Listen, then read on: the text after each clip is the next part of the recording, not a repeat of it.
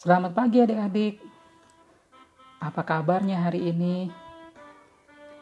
Kakak berharap bahwa semua kita selalu dalam lindungan Tuhan. Kita selalu segar bugar dan selalu sukacita menyambut minggu tiap minggu. Adik-adik tidak terasa ya, hari minggu ini adalah hari minggu terakhir kita menjalani sepanjang minggu di bulan April ini.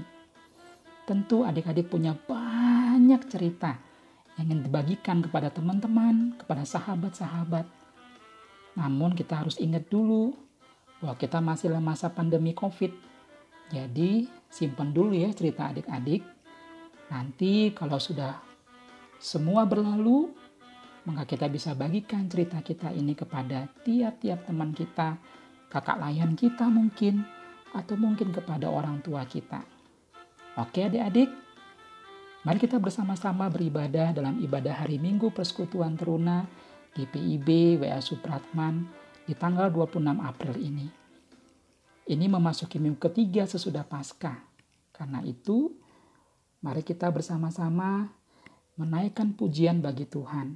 Kita beribadah bersama, memuliakan nama Tuhan, mengingat akan karya Tuhan dan bersama-sama juga belajar dari firman Tuhan supaya dengan demikian di tengah-tengah kita sedang menghadapi kondisi seperti ini kita tidak cepat sekali menyerah. Tapi tetap terus berjalan di dalam terang kebenaran firman Tuhan. Seperti pujian yang sebentar lagi kita akan dengarkan pujian ini kembali memberikan kita semangat baru bahwa berjalan bersama dengan Tuhan berjalan di dalam terang firman Tuhan kita akan senantiasa mengalami sukacita. Walaupun itu kita sedang mengalami juga kondisi-kondisi yang tidak bersahabat dengan kita. Yuk adik-adik, mari kita bersama-sama mendengarkan pujian. Mari berjalan dalam terang Tuhan.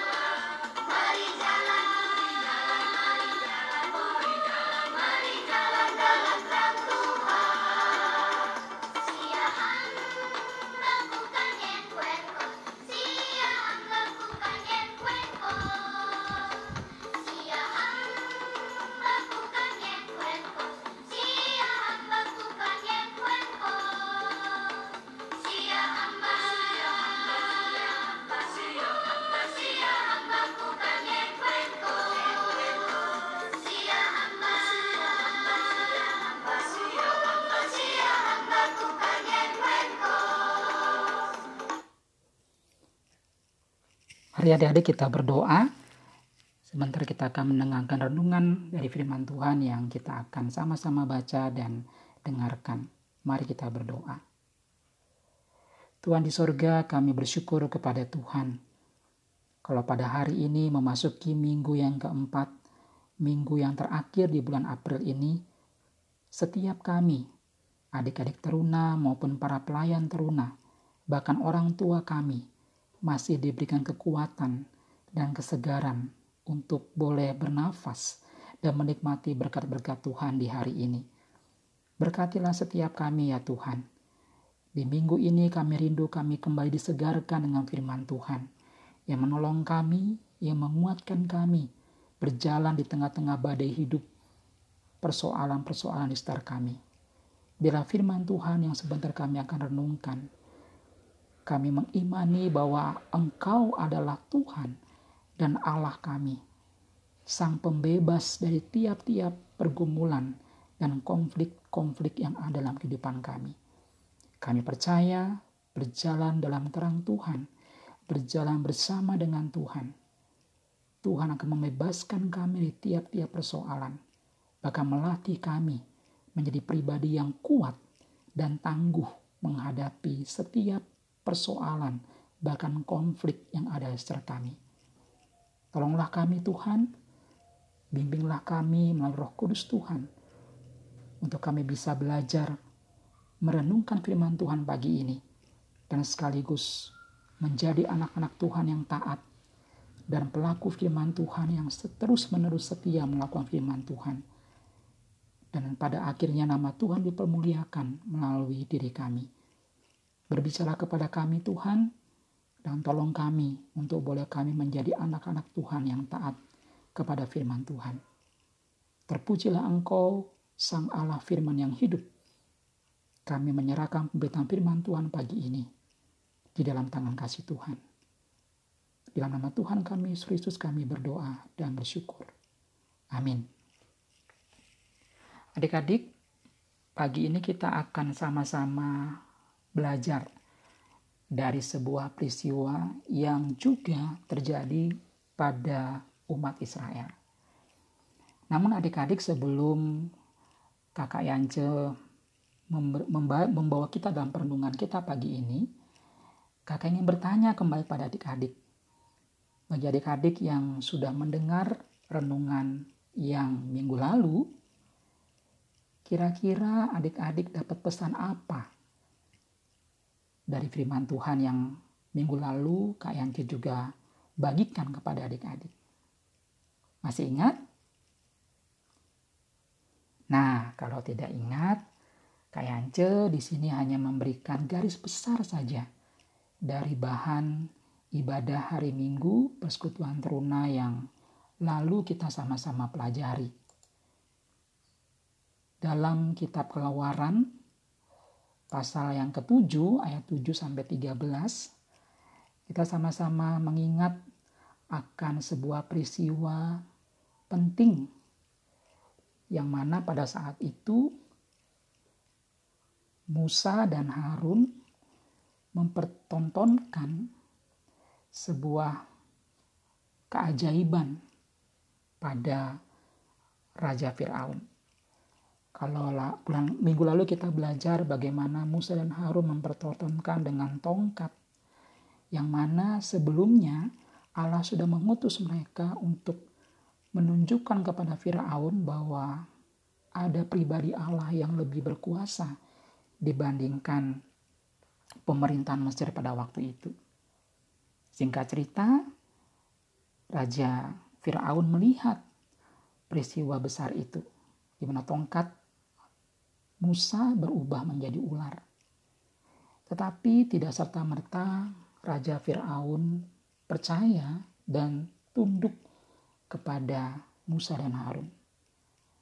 Dia membawa orang-orang yang dia percayai untuk menunjukkan hal yang sama kepada Musa dan Harun.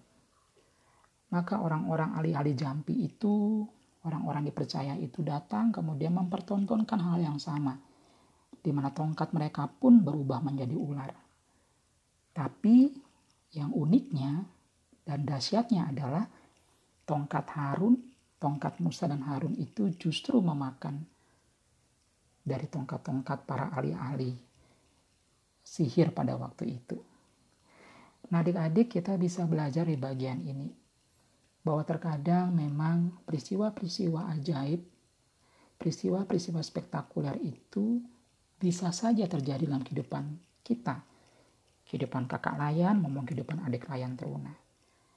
Tetapi peristiwa-peristiwa itu pun juga bisa juga tidak terjadi dalam kehidupan kita.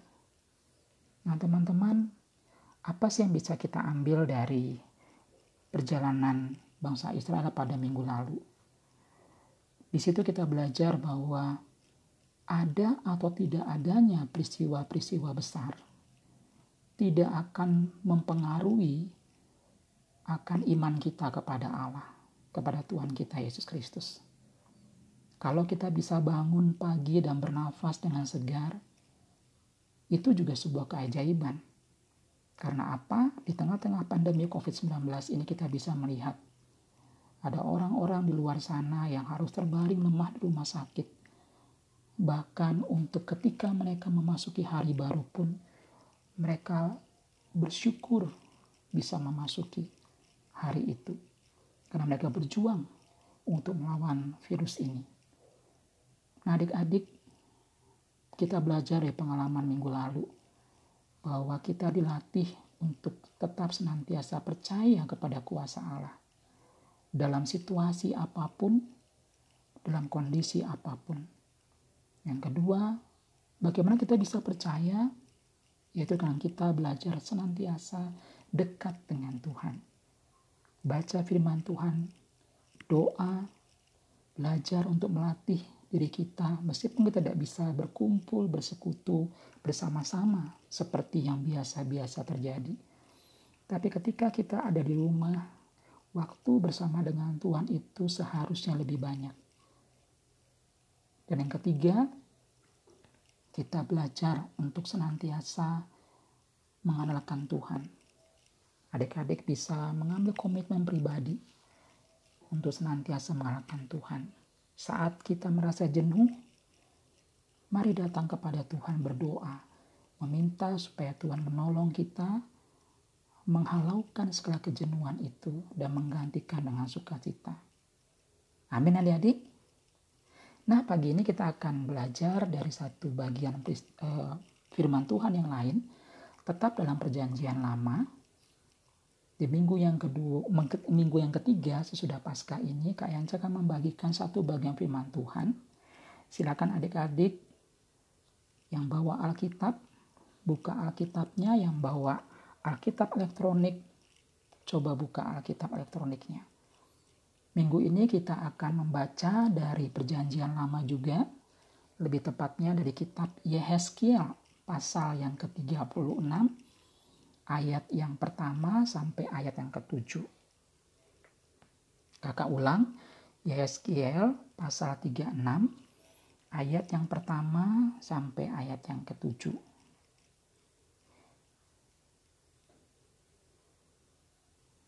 Jika adik-adik sudah menemukan Yesiel pasal 36 ayat 1 sampai 7, maka kakak akan membacakan buat kita semua.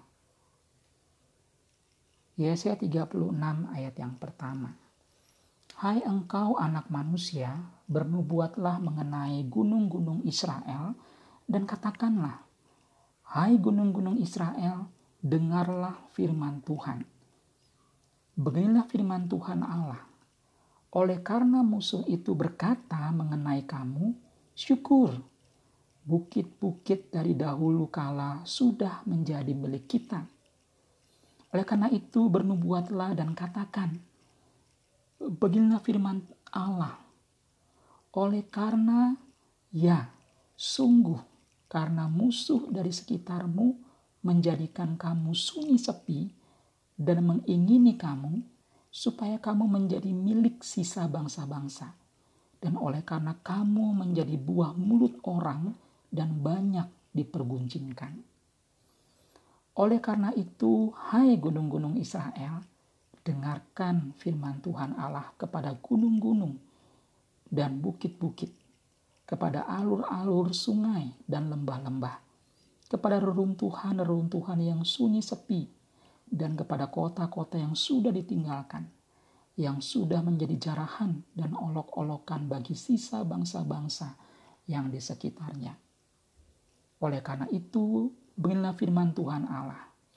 Aku pasti berfirman dalam api cemburuanku, melawan sisa bangsa-bangsa dan melawan seluruh Edom, yang menentukan tanahku menjadi miliknya, dengan segala rasa sukacita dan rasa penghinaan, sehingga tanahku itu dimilikinya dan dapat habis dijarah.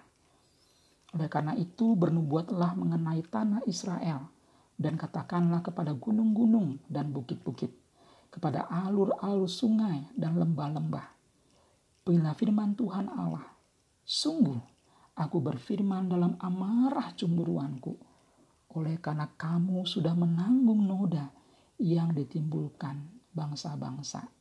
Bersama-sama kita akan membacakan ayat yang ketujuh. Oleh sebab itu, beginilah firman Tuhan Allah.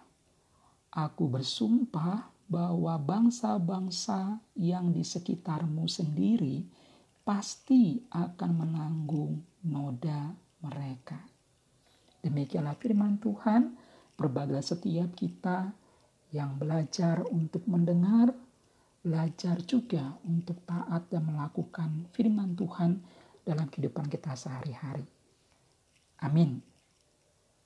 Adik-adik yang dikasih Tuhan, kalau beberapa waktu lalu di tengah-tengah kita mengalami pandemi COVID ini, mungkin kita orang yang suka buka-buka YouTube, kita pernah melihat ada salah seorang hamba Tuhan yang menubuatkan bahwa tepat pada peristiwa Paskah 12 April 2020, beberapa minggu lalu, COVID-19 ini akan berakhir.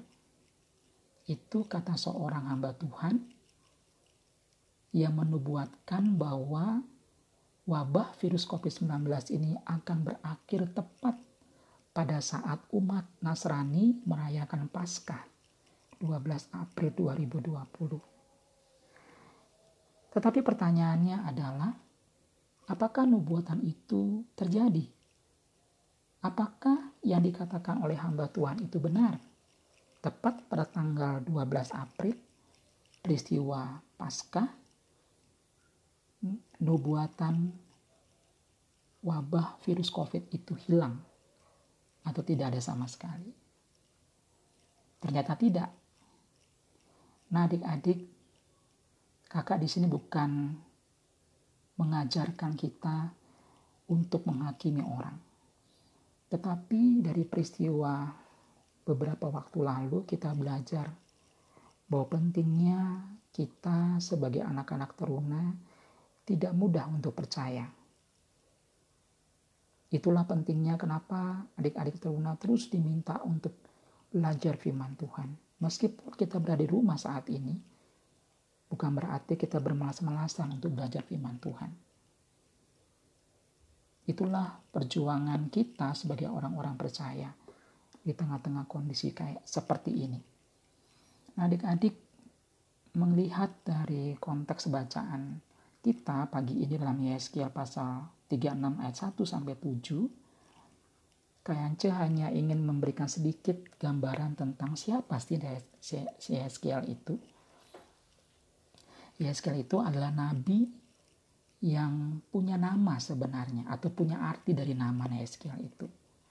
Jadi Nabi Yeskel itu namanya berarti Allah menguatkan. Nah Yeskel ini berasal dari keluarga para imam juga yang tinggal di Yerusalem.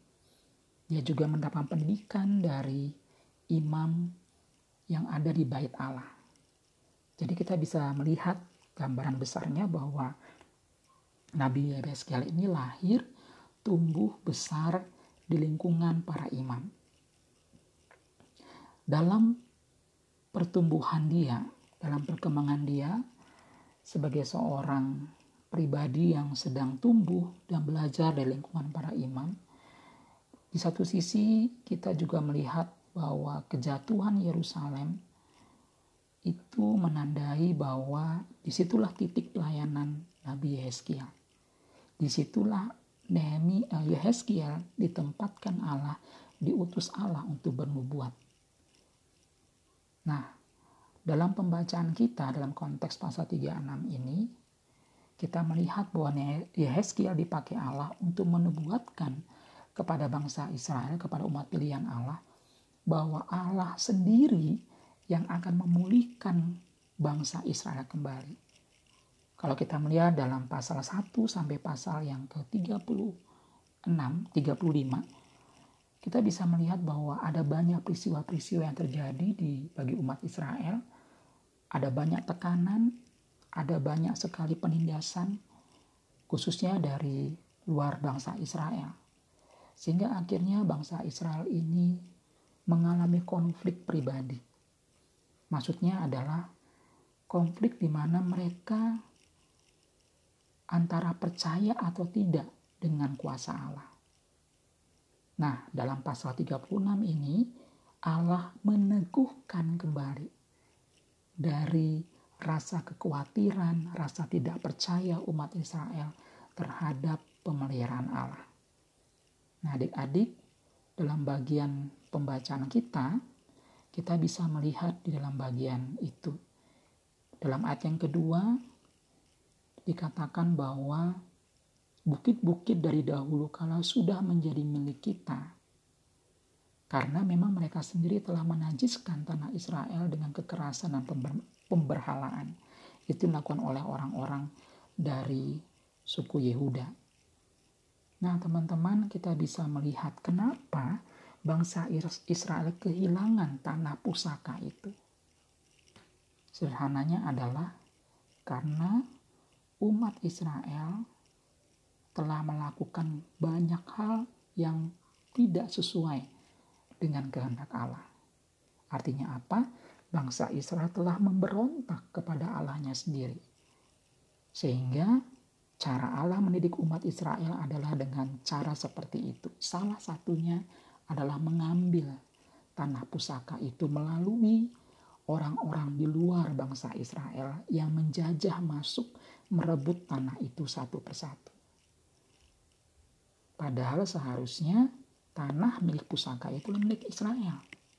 Namun karena mereka telah jauh dari Allah, telah memberontak kepada Allah, maka Allah mengizinkan bangsa-bangsa lain yang tidak mengenal Allah itu datang menduki tanah itu dan bahkan merebut tanah itu dari Israel. Nah adik-adik dalam pembacaan kita di dalam ayat 1 sampai ayat yang ketujuh ini, kita bisa melihat bahwa Allah memberikan peneguhan kembali. Allah memberikan harapan melalui nubuatan Nabi Yeskiel. Ia berjanji bahwa ia akan melawan sendiri musuh-musuh Israel itu. Allah yang akan menghukum Edom serta bangsa-bangsa lain yang selama ini telah menjadi lawan Israel. Allah sendiri yang akan mengadakan menunjukkan keadilan dengan menghukum bangsa-bangsa yang selama ini telah berbuat jahat, bahkan menghina dan menyengsarakan umat Israel. Lalu Allah sendiri juga yang akan merebut tanah pusaka itu dan mengembalikannya kepada umat pilihan Allah yaitu Israel sendiri. Israel akan kembali seperti dulu ketika Daud berkuasa. Bahkan lebih daripada itu. Artinya apa? Allah ini meneguhkan dan menegaskan bahwa jika umat Allah, umat Israel percaya kepada Allah, berserah kepada Allah, taat kepada Allah, maka segala milik pusaka yang telah direbut oleh bangsa-bangsa yang tidak mengenal Allah itu Allah sendiri yang akan kembalikan kepada umat pilihannya, kepada umat Israel. Adik-adik, dalam peristiwa ini kita belajar, meskipun umat pilihan Allah, yaitu bangsa Israel pada masa itu, begitu mengalami banyak tekanan, penindasan, pembuangan, dan sebagainya. Tapi Allah sang pemilik itu tetap setia kepada janjinya bahwa penderitaan bangsa Israel itu akan berlalu. Nah, adik-adik, kita telah belajar dari peristiwa ini.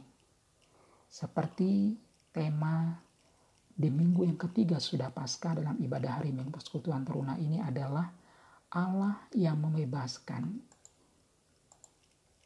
Allah yang membebaskan Allah juga pembebas mental dan spiritual kita.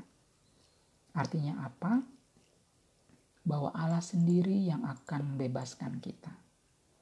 Kata bebas kalau kita melihat dalam Kamus Bahasa Indonesia, KBBI, kata bebas itu berarti dilepaskan dari sesuatu yang memenjarakan. Sesuatu yang membuat kita tidak bisa bergerak tidak bisa leluasa.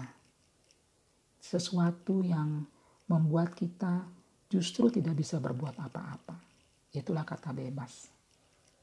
Namun bukan berarti dalam konteks kehidupan kita sebagai anak-anak Tuhan, kata bebas itu bukan berarti bahwa kita bebas melakukan apa saja yang kita mau.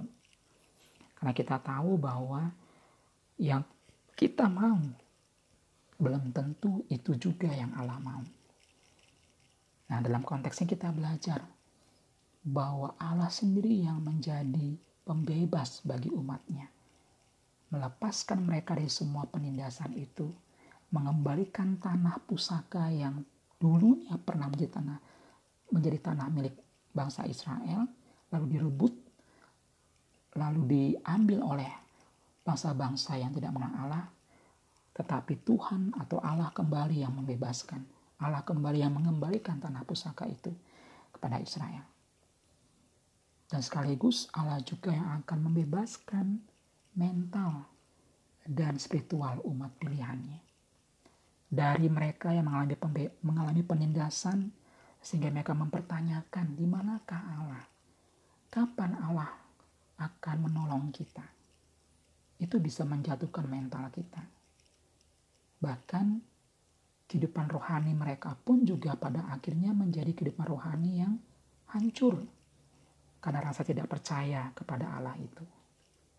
Dalam bagian ini Allah memulihkan semuanya itu secara mental dan secara spiritual. Artinya apa? Allah memulihkan dan menunjukkan bahwa Allah itu memperhatikan kesulitan dan kesusahan umatnya. Maka pada waktu Tuhan Allah akan bertindak membebaskan mereka dari penindasan. Tapi sekaligus Allah memulihkan kehidupan rohani mereka, spiritual mereka.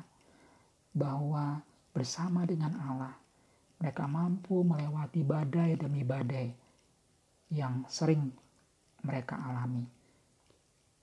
Nah adik-adik, peristiwa bagian ini belajar, kita belajar bahwa yang pertama, kita belajar bahwa Tuhan adalah pribadi yang satu-satunya kita dapat andalkan dalam menghadapi masalah. Adik-adik, belajar di peristiwa bangsa Israel tadi. Tadi Kak Yance bilang bahwa bisa jadi al, bangsa Israel itu kurang percaya atau sudah tidak percaya lagi dengan Allah. Itu konflik yang terjadi pada umat pilihan Allah waktu itu sedang mengalami penindasan, sedang mengalami apa namanya pembuangan, tentu sesuatu yang tidak menyenangkan. Nah dalam perjalanan hidup kita pun mungkin juga sama dengan bangsa Israel. Contohnya, sudah satu bulan lebih kita melewati masa pandemi ini. Di rumah kita mulai merasakan kejenuhan-kejenuhan. Satu minggu berlalu, dua minggu berlalu, dan minggu-minggu selanjutnya berlalu, mulai ada kejenuhan.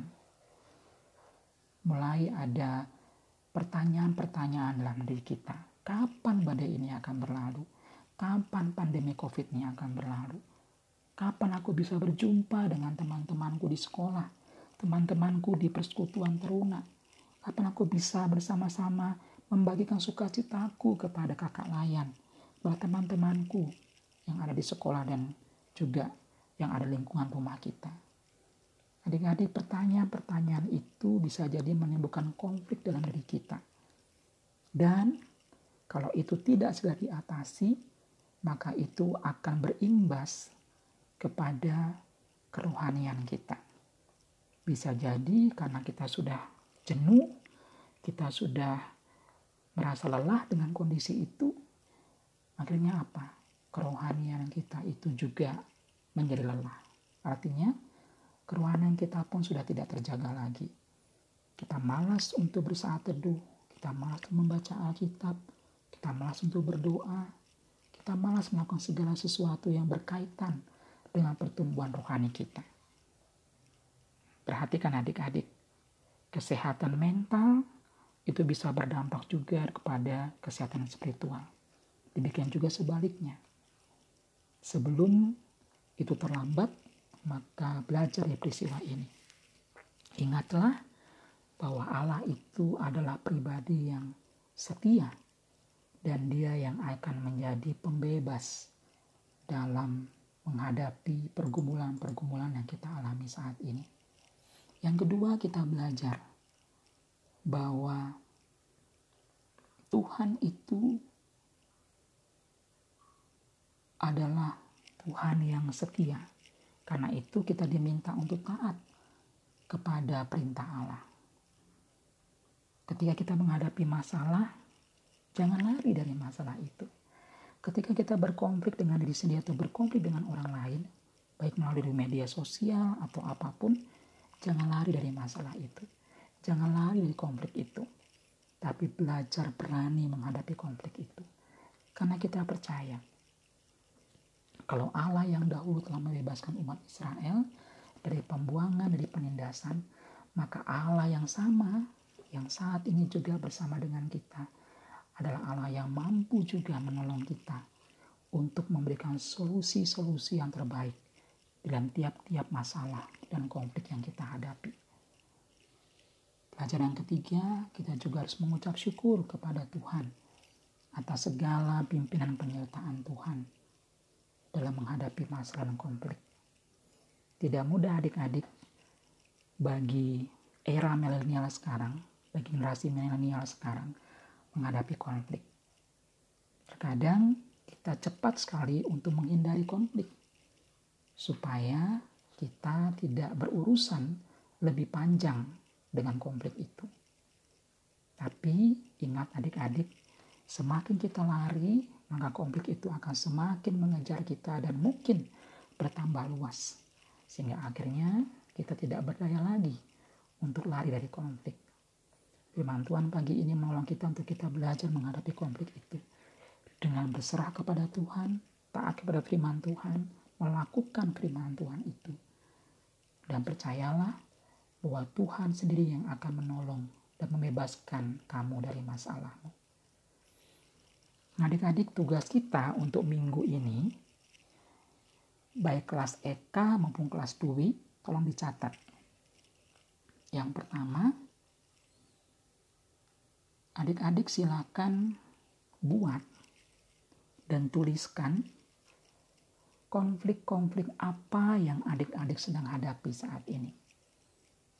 Sekali lagi, yang pertama, konflik-konflik apa, konflik-konflik apa yang sedang adik-adik alami dalam minggu ini mungkin minggu yang lalu atau minggu-minggu eh, sebelumnya dalam masa-masa kita mengalami uh, bekerja di rumah, belajar di rumah, tentu ada konflik-konflik, ada masalah-masalah. Nah, tuliskan itu dalam lembaran uh, buku buku adik-adik. Yang kedua, apa solusi dari konflik-konflik itu? Yang sudah atau yang belum? Sederhananya adalah yang pertama, kalian tulis konflik-konflik apa yang sedang kalian alami, baik minggu ini maupun beberapa minggu yang lalu. Yang kedua, bagaimana cara mengatasi konflik itu? Bagaimana cara kalian mengatasi, konflik itu? Nah, masing-masing silakan buat satu, eh, dua atau tiga konflik dan dua atau tiga cara mengatasi konflik. Oke, paham adik-adik? Nah, itu tugas kalian minggu ini. Kakak harap minggu depan di bulan Mei kita bisa sama-sama mendiskusikan walaupun mungkin tidak bisa langsung bertemu tapi bisa jadi adik-adik bisa chat kepada kakak layan yang yang adik-adik kenal bisa chat kepada mereka apa kesulitan apa konflik yang kalian alami kemudian kalian temukan cara mengatasi konflik itu dan bersyukurlah yang terakhir yaitu kalian tutup dengan bersyukur kepada Tuhan. Kalau justru dengan konflik-konflik itu, dengan masalah-masalah itu kalian terlatih untuk berani menghadapi konflik, bukan lari dari konflik. Paham adik-adik? Nah, kalau sudah paham, mari kita bersama-sama menutup ibadah hari Minggu Persekutuan Teruna ini kita masuk dulu dalam doa syafaat. Mari kita berdoa. Tuhan di surga, terima kasih untuk firman Tuhan yang sudah kami dengar. Tolonglah kami supaya kami belajar untuk senantiasa mengalahkan Tuhan. Belajar juga di dalam kami mengalahkan Tuhan, kami tetap belajar untuk berani menghadapi konflik-konflik baik dalam diri kami maupun konflik ada di luar kami. Tolong kami Tuhan supaya kami menghadapinya dengan cara kami mengalahkan kuasa Tuhan, percaya bahwa apa pun yang Tuhan kerjakan mengatasi konflik itu adalah yang terbaik untuk kami. Tolong kami supaya kami belajar melakukan beberapa proyek yang sudah diberikan oleh kakak layan kepada adik layan dalam sepekan ini. Terima kasih Tuhan dan tolong kami supaya kami menjadi pelaku-pelaku firman Tuhan yang terus menghidupi, bersaksi, di tengah-tengah lingkungan keluarga kami dulu, di tengah-tengah orang tua dan saudara-saudara kami, kami bisa menjadi anak-anak yang taat kepada firman Tuhan. Terima kasih Tuhan.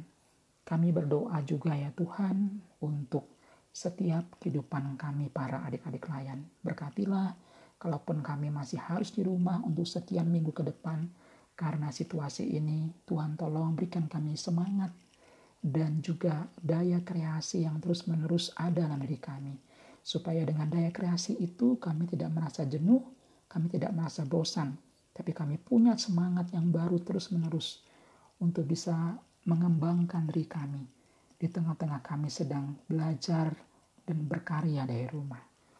Tuhan di sorga kami juga berdoa untuk orang tua, orang tua, adik layan, Tuhan juga berkati. Mereka yang sedang bergumul karena ketidakmampuan ekonomi mereka ketika ada banyak sekali permasalahan, ada banyak sekali penangguhan pekerjaan-pekerjaan yang ada di sekitar kami dan orang tua kami mengalami dampak. Kami berdoa, Tuhan menolong supaya Engkau memulihkan orang tua kami yang masih Tuhan percayakan untuk mengerjakan karya-karya Tuhan dalam profesi mereka masing-masing. Tuhan juga berkati supaya mereka juga bisa menolong sesama yang membutuhkan pertolongan. Pelihara kesehatan mereka juga dan jagai. Berkati juga saudara-saudara kami, baik kakak maupun adik, yang dalam kondisi ini juga harus mungkin mengerjakan segala sesuatunya di rumah. Tuhan juga berkati, supaya mereka juga tetap mengalami sukacita dan terus menemukan daya kreasi-kreasi baru di tengah-tengah mereka menghadapi pandemi ini. Kami juga berdoa untuk kehidupan kakak layan, Tuhan juga berkati. Meskipun kami juga harus berkarya, bekerja dari rumah. Sebagian kami berdoa supaya Tuhan tetap terus berikan kami kekuatan. Rekan kakak layan yang terus harus bekerja di luar rumah, Tuhan juga berkati. Supaya tetap Tuhan proteksi kesehatan mereka, baik pergi maupun pulangnya. Tuhan kami berdoa untuk iba untuk program pengurus pelayan PT ke depan Kalaupun memang beberapa bulan ke depan kami masih berkarya di rumah, Tuhan tolong supaya tetap kami saling mendoakan, kami saling memperhatikan, supaya badai ini segera berlalu dan kami bisa bertemu, bisa beribadah kembali, dan mensyukuri segala karya Allah dalam ibadah itu. Kami berdoa juga ya Tuhan untuk pergumulan gereja, berdoa juga Tuhan untuk Ketua Majelis Jemaat Bapak Pendeta Yan Cetonapa bersama dengan keluarga Tuhan pelihara dan berkati. Demikian juga dengan para majelis bersama dengan keluarga Tuhan juga berkati. Seluruh rekan-rekan sepelayanan Tuhan juga berkati bersama dengan keluarga. Biar di tengah-tengah pandemi ini kami tetap bisa berkarya, menunjukkan sesuatu yang berguna, bermanfaat, meskipun kami harus mengerjakan semua di rumah. Tuhan, kami berdoa untuk uh, rencana bantuan kepada anggota jemaat yang mengalami dampak dari COVID ini. Berdoa supaya tim yang ada, Tuhan menolong mereka dalam pengelolaan dan pendistribusian bantuan kepada anggota-anggota jemaat kami yang terkena dampak. Kami bersyukur untuk tiap-tiap orang yang telah berpartisipasi mengambil bagian untuk meringankan beban dari sesama kami sebagai anggota jemaat. Tuhan kami berdoa untuk seluruh uh, pelkat dan juga seluruh uh, anggota jemaat dalam tiap-tiap pergumulan Tuhan kuatkan. Terima kasih Tuhan kami berdoa juga untuk bangsa negara kami. Tuhan berkati bangsa kami dalam usaha pemulihan dari pandemi COVID ini. Perjuangan kami bersama-sama, kami percaya kalau kami tetap taat, setia, maka Tuhan yang akan menolong kami dalam pemulihan ini. Kami juga berdoa untuk NTB, Tuhan juga berkati pemerintahan kami, berkati segala upaya usaha pemerintah dalam memutus mata rantai COVID ini. Dan berkati juga kami sebagai warga gereja, warga masyarakat NTB untuk kami belajar taat dengan setiap kebijakan himbauan pemerintah untuk demi dan kebaikan sesama. Kami berdoa juga ya Tuhan untuk saudara-saudara kami yang saat ini sedang e, berpuasa, Tuhan berkati mereka dan pakai kami juga untuk menghargai teman-teman kami, sahabat-sahabat kami, tetangga-tetangga kami yang sedang uh, menjalani ibadah puasa. Berdoa supaya kami tak bisa menghadirkan kasih itu di tengah-tengah suasana berpuasa ini. Terima kasih ya Tuhan. Kami menyerahkan sepekan ke depan. Tuhan memberkati dan menyertai perjalanan kami bersama-sama dengan orang-orang yang kami sayangi dan juga bersama dengan Tuhan. Terima kasih ya Tuhan. Ini doa kami yang kami naikkan, yang kami persembahkan, yang kami yakini kepada Allah, Bapa kami yang telah mengajar kami berdoa dalam doa Bapa kami. Bapa kami yang di surga, dikuduskanlah namamu. Datanglah kerajaanmu, jadilah kehendakmu di bumi seperti surga. Berikanlah kami pada hari ini makanan kami yang secukupnya, dan ampunilah kami akan segala kesalahan kami, seperti Engkau telah kasih kami.